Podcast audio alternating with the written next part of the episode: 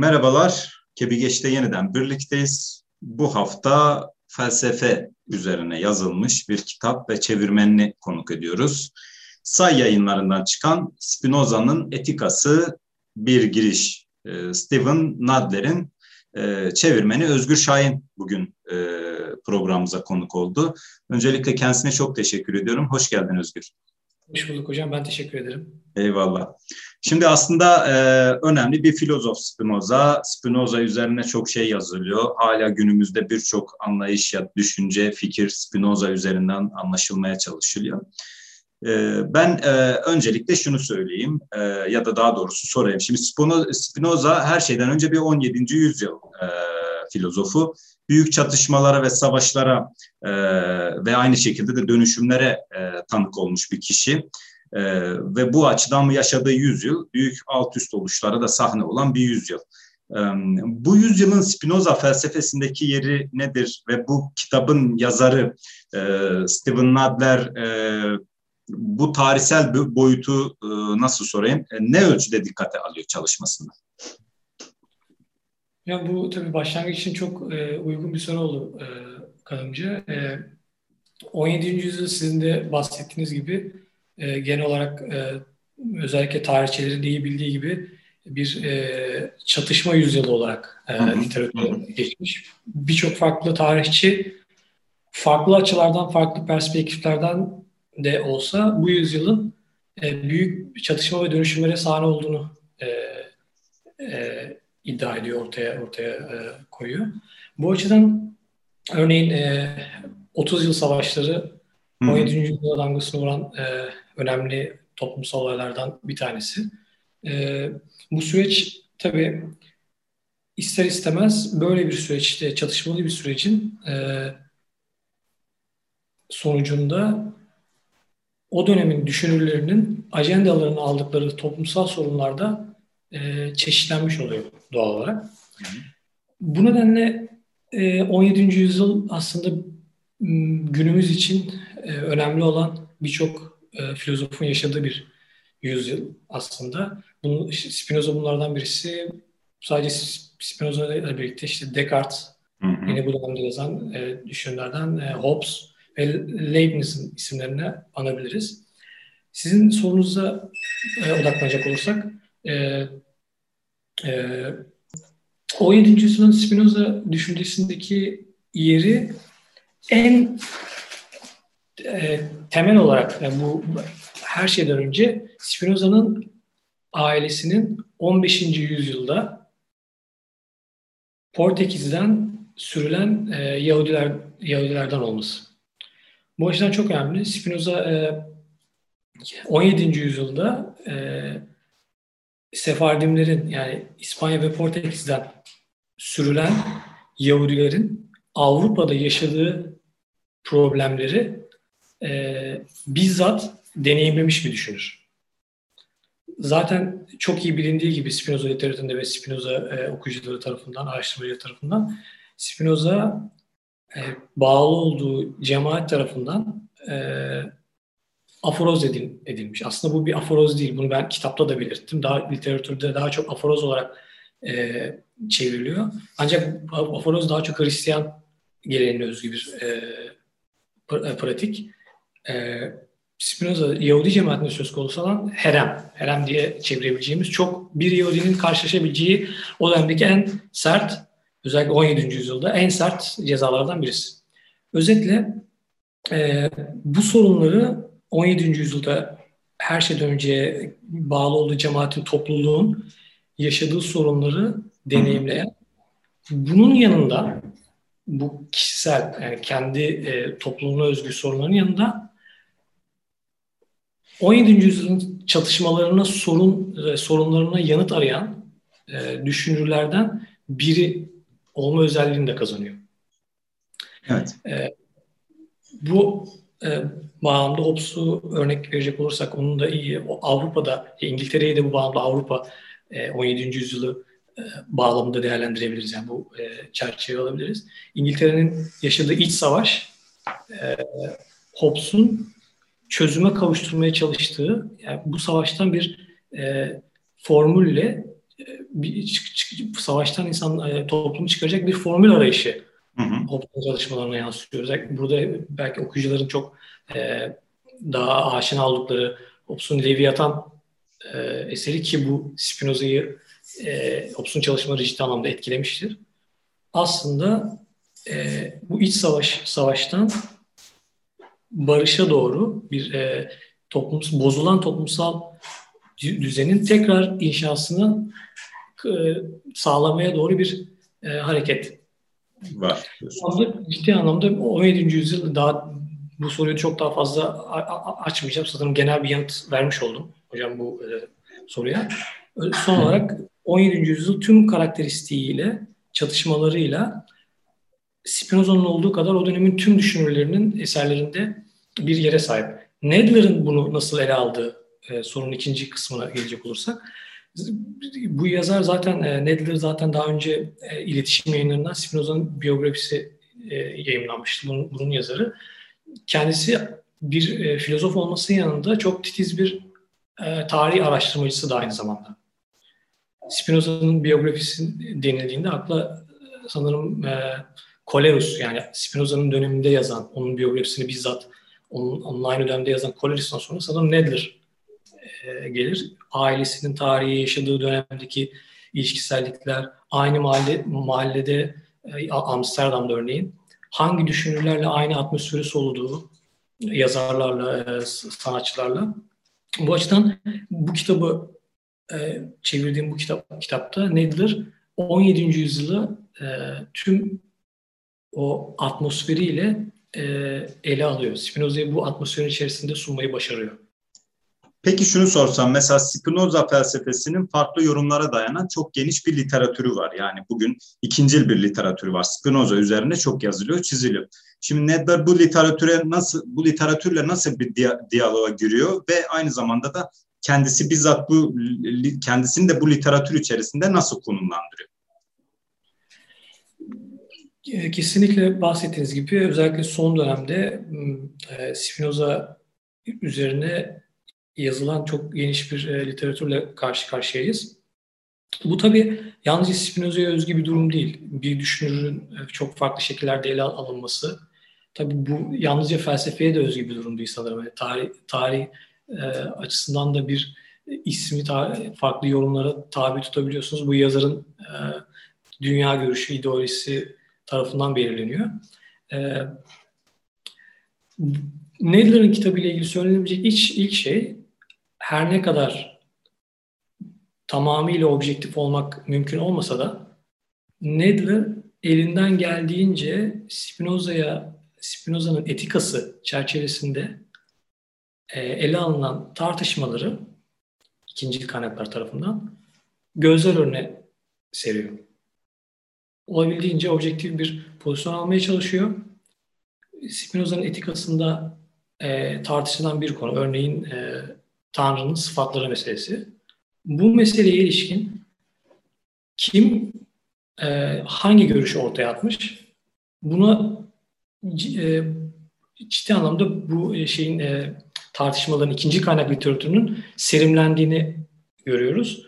Bu nedenle aslında e, kitap her ne kadar bir giriş çalışması olsa da yani Spinoza'ya ilk kez yaklaşacak e, öğrencileri ya da farklı alanlardaki araştırmacı araştırmacıları hedef alsa da kitap aslında belli bir seviyedeki Spinoza okuyucularına da hitap ediyor. Çünkü e, ikinci kaynak literatürünün tartışmalara verilen yanıtların bir profesör titizliğiyle, kendisi zaten Amerika'da şu anda aktif olarak çalışan, yayın yapan, e, programlar düzenleyen bir filozof, bir e, pro, profesör titizliğiyle gözler önüne seriliyor ikinci kaynak literatürü.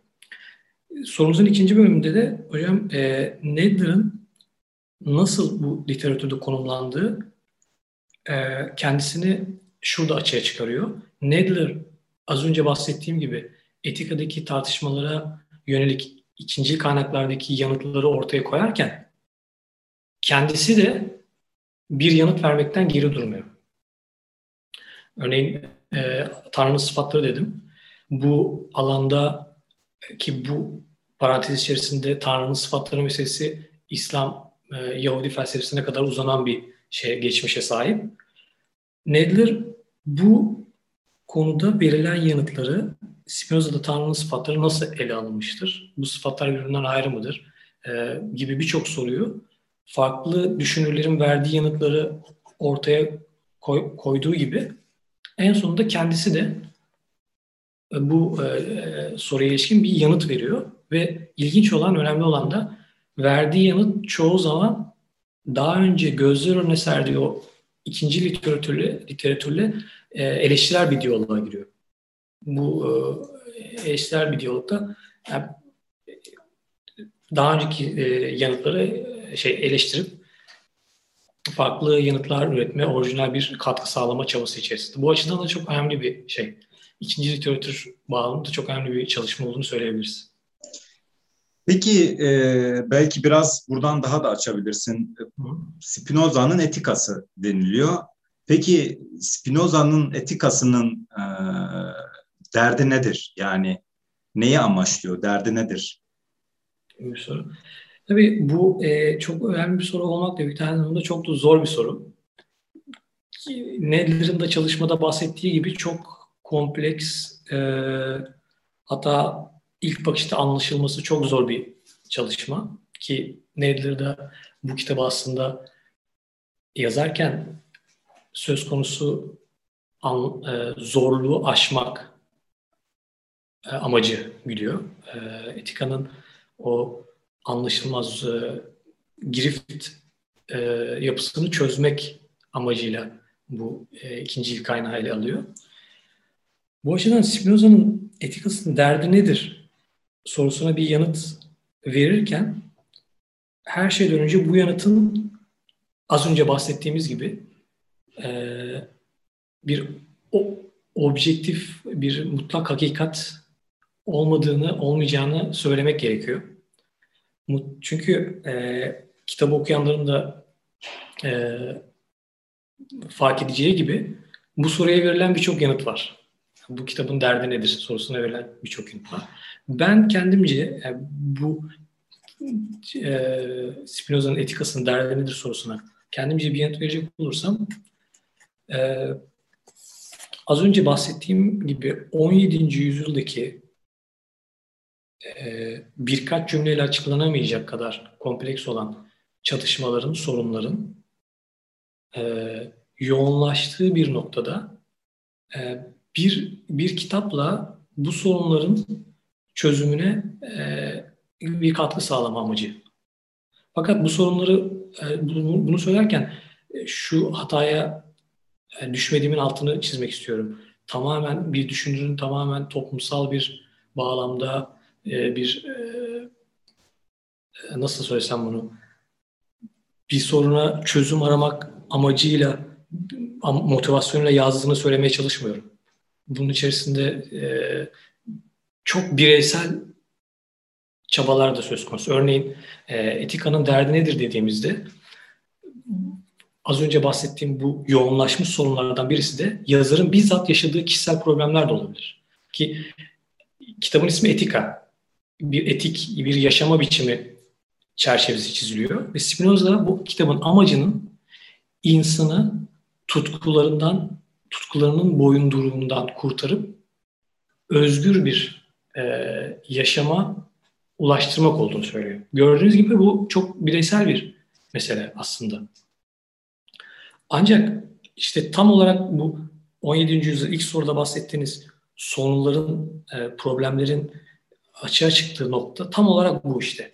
O dönemdeki bir birey e, çevresini kuşatan bu atmosfer içerisinde yani o bireyselliğini e, motive eden, bireyselliğine e, kuruluşuna, öznesi, özneliğinin kuruluşuna e, katkı sağlayan, e, onu dönüştüren çer, çer, çerçeve içerisinde bir e, birey olarak var olmayı, özgür olmayı nasıl başarabilir?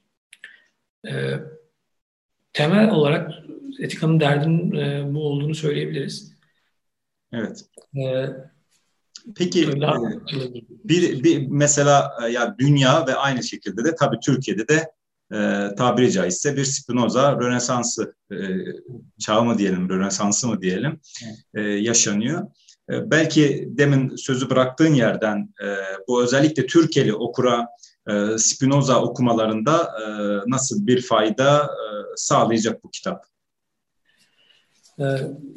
Bu süreçte tabii birbirini tamamlayan bir noktaya geldik. Ben de bu soruları yanıtlarken daha önceki sorulara da verdiğim yanıtlara da referans vermenin doğru olduğunu e, yararlı olacağını düşünüyorum. E, bir dünyada yaşanan bir Spinoza Rönesansı'ndan bahsettiniz.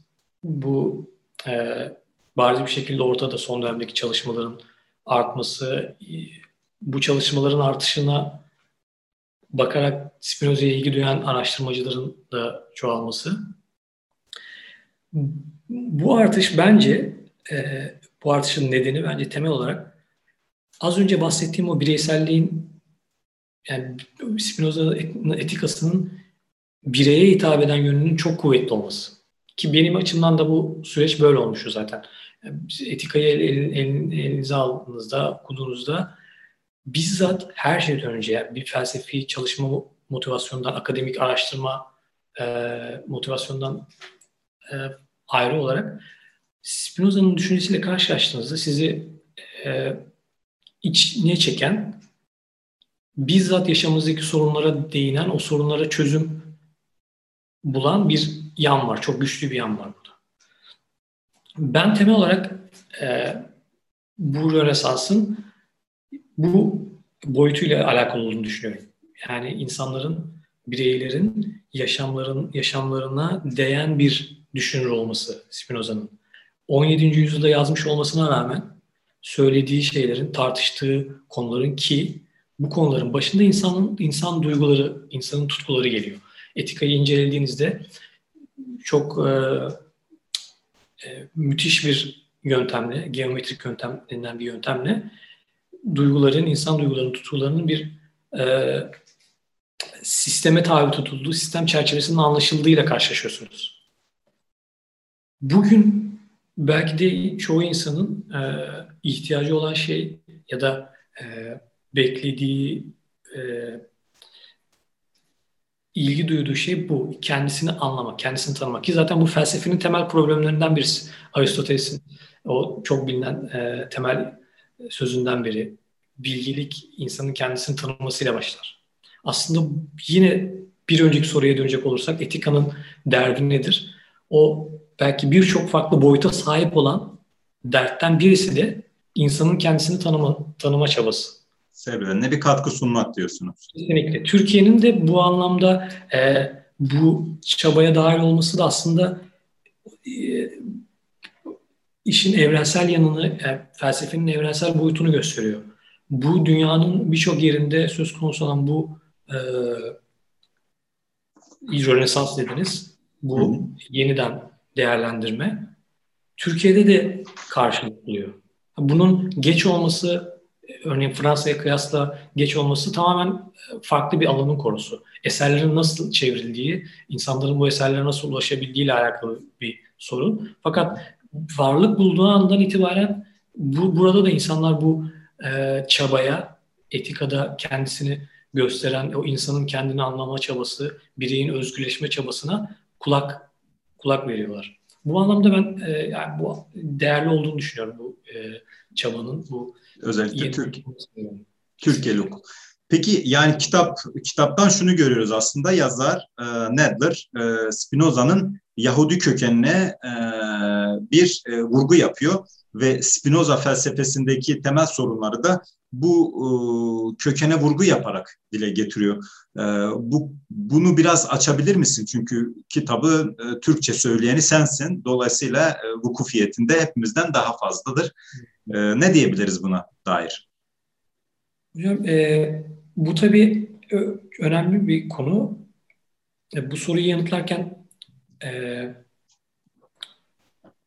belki e, programı takip eden, e, izleyen Spinoza düşüncesine aşina almak isteyen e, araştırmacıların da bilmesinde fayda, faydalı olacağı bir e, şey anlatarak başlayayım. Spinoza e, sizin de hocam çoğu zaman e, tartıştığınız, tartışmaya açtığınız konulardan birisi. Kendi çalışmalarınızda benim takip ettiğim kadarıyla, anladığım kadarıyla. Evet, Alevilikle ilgili soracağım bu soruyu zaten. Ha, evet hocam. Yani, e, bir kimlik, kimliğin, kimlik nasıl oluşur? Bir kimlik aslında e, hep orada duran, var olan bir, mutlak anlamda var olan bir e, kimlik ya da özne diyelim. E, var olan bir şey midir? Yoksa bu zaman içerisinde dönüş, dönüşen, değişime uğrayan, kurulan bir nesne midir? Aslına bakarsanız e, bu çerçevede yani bu tartışma özne tartışması e, açısından Nadler gibi çoğu filozof e, Amerika'da ve dünyanın farklı yer, yerlerinde e, böyle bir e, öznenin kuruluşuna katkı sağlayıp e, bireysel olanı düşüncenin yani Spinoza'nın felsefesindeki bireysel olanı bu, bu özne inşası e, çerçevesinde açıklamaya çalışıyorlar. Hı hı. Bu ne kadar geçerli, e, ne kadar e, önemli? Bu soruya yanıt, yanıt verecek olursam bence be, belli oranda e, öneme sahip. Zira şu bir gerçek. E, bunları söylerken tabii az önce başladığım o özne meselesinin akılda tutulmasının iyi olma olacağını düşünüyorum. Neden belli oranda bir gerçek? Zira az ilk soruda da bahsettiğim gibi, ilk sorumuzda 17. sorusunda da bahsettiğim gibi Spinoza gerçekten de Yahudi toplumunun Avrupa'da yaşadığı sorun sorunların e, sorunlardan bağımsız değerlendirilemez. Hatta e, bu sorunları Avrupa'da ilk dillendiren düşünür olduğu da e, ortaya koyuluyor. Daha sonra 19. yüzyıla kadar uzanan Almanya'daki Almanya'da Yahudi düşünürlerin yaptığı e, önemli tartışmalar var. E, aydınlanma, işte Yahudi aydınlanması denilen 19. yüzyılda tartışmalar. Spinoza o tartışmaların da merkezinde yer alıyor. Bu bağ, bu açıdan e, Spinoza'yı böyle bir e, Nedler'ın yaptığı gibi bir e, özneliğin kuruluşu e, e, çerçevesinde ele almak bence önemli. Birçok şeyi de açıklıyor. Tabii e, Nedler bu süreci ifrada da vardırmıyor. Zira kendisi profesyonel bir araştırmacı. Yani gerçekten ben özellikle bu kitabı okuduğumda, çevirdiğimde bir kitap nasıl yazılır bir kez daha e, bunu görmüş oldum. Yani sadece e, kendimi Spinoza felsefesi arasından açısından geliştirmedim ama benim de belki bildiğim birçok şeyi o kadar bir e, sistematik bir titizlikle ortaya koyuyor ki koyuyor ki ben buna imrendim. Bu açıdan e, nedir bu e, tartışmayı yani Yahudilik tartışmasını gerçekten dozajında yürütüyor diyebiliriz. Ya yani bu şeye varmıyor. Siz, e, bir e, yazarın filozof kimliğini geri planda bırakan evet e, bir noktaya varmadığını Var. söyleyebilirim. Aslında bunu bir yanıyla e, Zygmunt Baum'un da e, Marx'a dair hani o sınıf teorisinin bir yanıyla da aslında e, onun o Yahudi e, kökeninin e, farkında olsa da olmasa da e, bir şekilde onu belirlediğine dair tespitleri var. Peki değerli üstadım e, demin de ifade ettiniz. Aslında Spinoza biraz da kendi Türkeli topluluklar, Türkeli e, inançlar açısından da e, önemli bir e, okuma alanı yaratıyor, sunuyor e, dile getirdiğiniz gibi e, bilhassa Spinoza felsefesinde işte e, özellikle de e, Alevilik ve Aleviliğe dair e, anlatılar ön plana getirilirken işte panteizm, vahdeti vücut, vahdeti mevcut ve Spinoza üzerinden böyle bir e, tartışmada yer yer e, şahit olduğumuz bir şey. E, siz e, acaba buna dair e, ne söylemek istersiniz? Ya çok e, e, önemli bir tartışma bu da. Ee, bir kere e, literatürde bu, bu tartışmaya aşina olmayan belki ta, e, izleyiciler, okuyucular için ufak bir giriş yapacak olursak Spinoza'yı e, Şeyh Bedrettin gibi isimlerle birlikte ok- okumak yahut e, İslam tasavvufu ile paralel bir okumaya tabi tutmak hatta yer yer e, Spinoza'nın bizzat e, bu tasavvuf öğretisinden, Arabi'den etkilendiğini ortaya koymak ki Şeyhül Ekber'i niçin severim kitabının yazarı. Ee, şimdi, şimdi ismini unuttum hocam kusura bakmayın. Fakat bu kitap üzerinden şey yapılabilir. Şeyhül Ekber'i niçin severim? Son dönem Osmanlı yazarlarından birisi. Bu çalışmasında e, İbn Spinoza'nın bizzat İbn Arabi'den etkilendiğini söylüyor. Hatta bu kitap Fransızca'ya çevriliyor. Frans, Fransa'da da e, birçok düşünür de bunu eleştiriyor. Yani böyle bir direkt e, farklı dönemlerdeki düşünceleri bu şekilde şeye sokmak yanlıştır diye. Hı hı. Buna yanıt olarak yine son dönem Osmanlı'da yapılan bir tartışmada tabii Ömer Ferit Kam hı denilen bir, isimli bir yazarın e, Sebur Reşat dergisinde başlattığı bir tartışma. Onda panteizm nedir? Panteizm Sufizm midir? ile başlayan bir tartışmada Spinoza yine gündeme geliyor. E, Spinoza'nın panteizminin e, Sufizm olup olmadığı bunlar detaylı olarak tartışılıyor. Bunu niye anlattım? Bu Osmanlı son döneminden beri zaten var olan bir tartışma.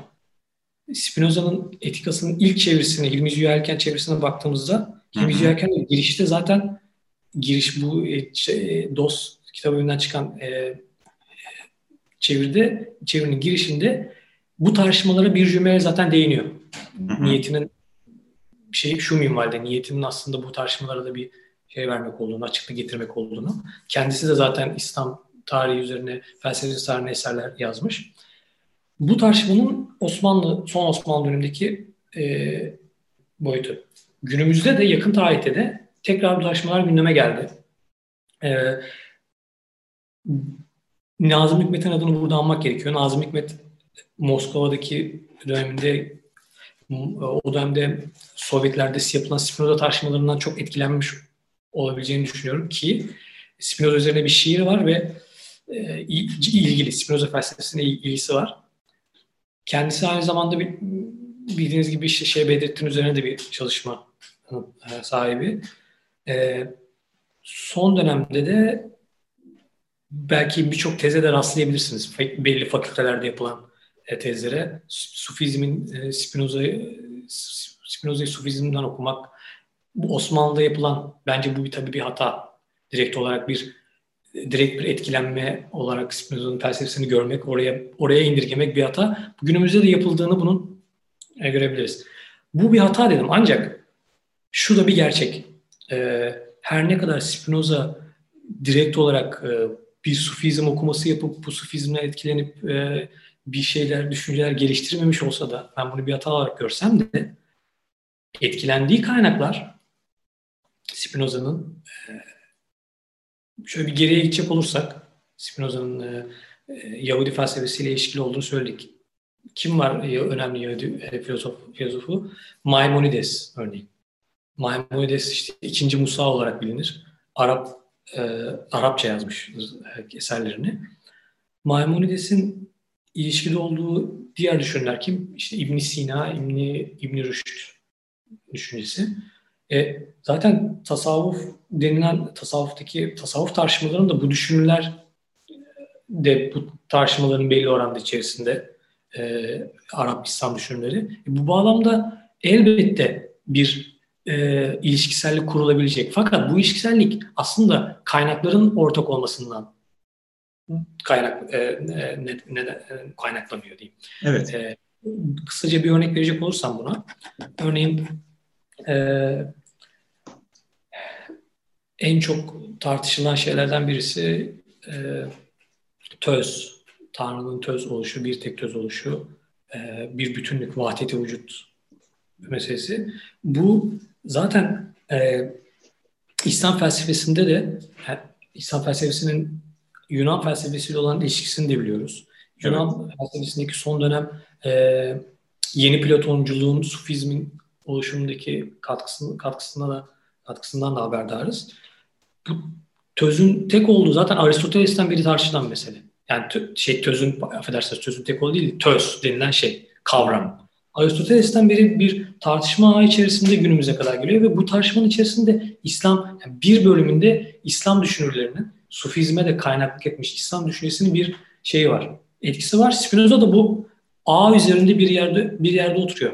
özetle ta, bu, bu ağı e, ortaya çıkarmak çok zor değil ya da e, bir e, inkar e, bunun tamamıyla bundan bağımsız olduğunu da e, inkar etmek mümkün değil. Evet. Böyle bir e, ilişki. Umarım doğru cevap verebilmişimdir. Biraz sanırım hocam çok farklı noktalara... Yok gayet gayet e, doyurucu oldu. E, zaten e, okur, Türkiye'li okur e, bu çalışmayı eline aldığı zaman e, özellikle de bizim de dikkat çektiğimiz hususlara dair belki de birçok sorunun cevabını bulacaktır. E, evet, bugün e, Stephen e, Nedler'ın e, Spinoza, Spinoza'nın Etikası bir giriş kitabını e, çevirmeni daha doğrusu ona e, onun Türkçe sesi olan e, Özgür Şahin'le konuştuk. Aslında belki başta yapmam gereken şeydi Özgür Şahin tanıtmak babında. Lisansını İstanbul Üniversitesi Siyasal Bilgiler Fakültesi'nde tamamladıktan sonra e, Universitat Pompeu Fabra'da, Barcelona'da yani siyaset felsefesi yüksek lisans programından mezun oldu. Ve başta Spinoza felsefesi olmak üzere siyaset felsefesi, düşünce tarihi ve edebiyat alanlarında çeşitli makale ve çevirileri de hali hazırda bulunmaktadır. Ee, çok teşekkür ediyorum. Ee, çok sağ olasın. Ee, ve özellikle de bu kitabın Türkçe'ye kazandırılmasında e, en büyük emeğe sahip olduğun için de e, bizi izleyenler huzurunda çok teşekkürlerimi sunuyorum. Ben teşekkür ederim hocam. Çok keyifli bir tartışma oldu. Çok çok sağ olun. Eyvallah.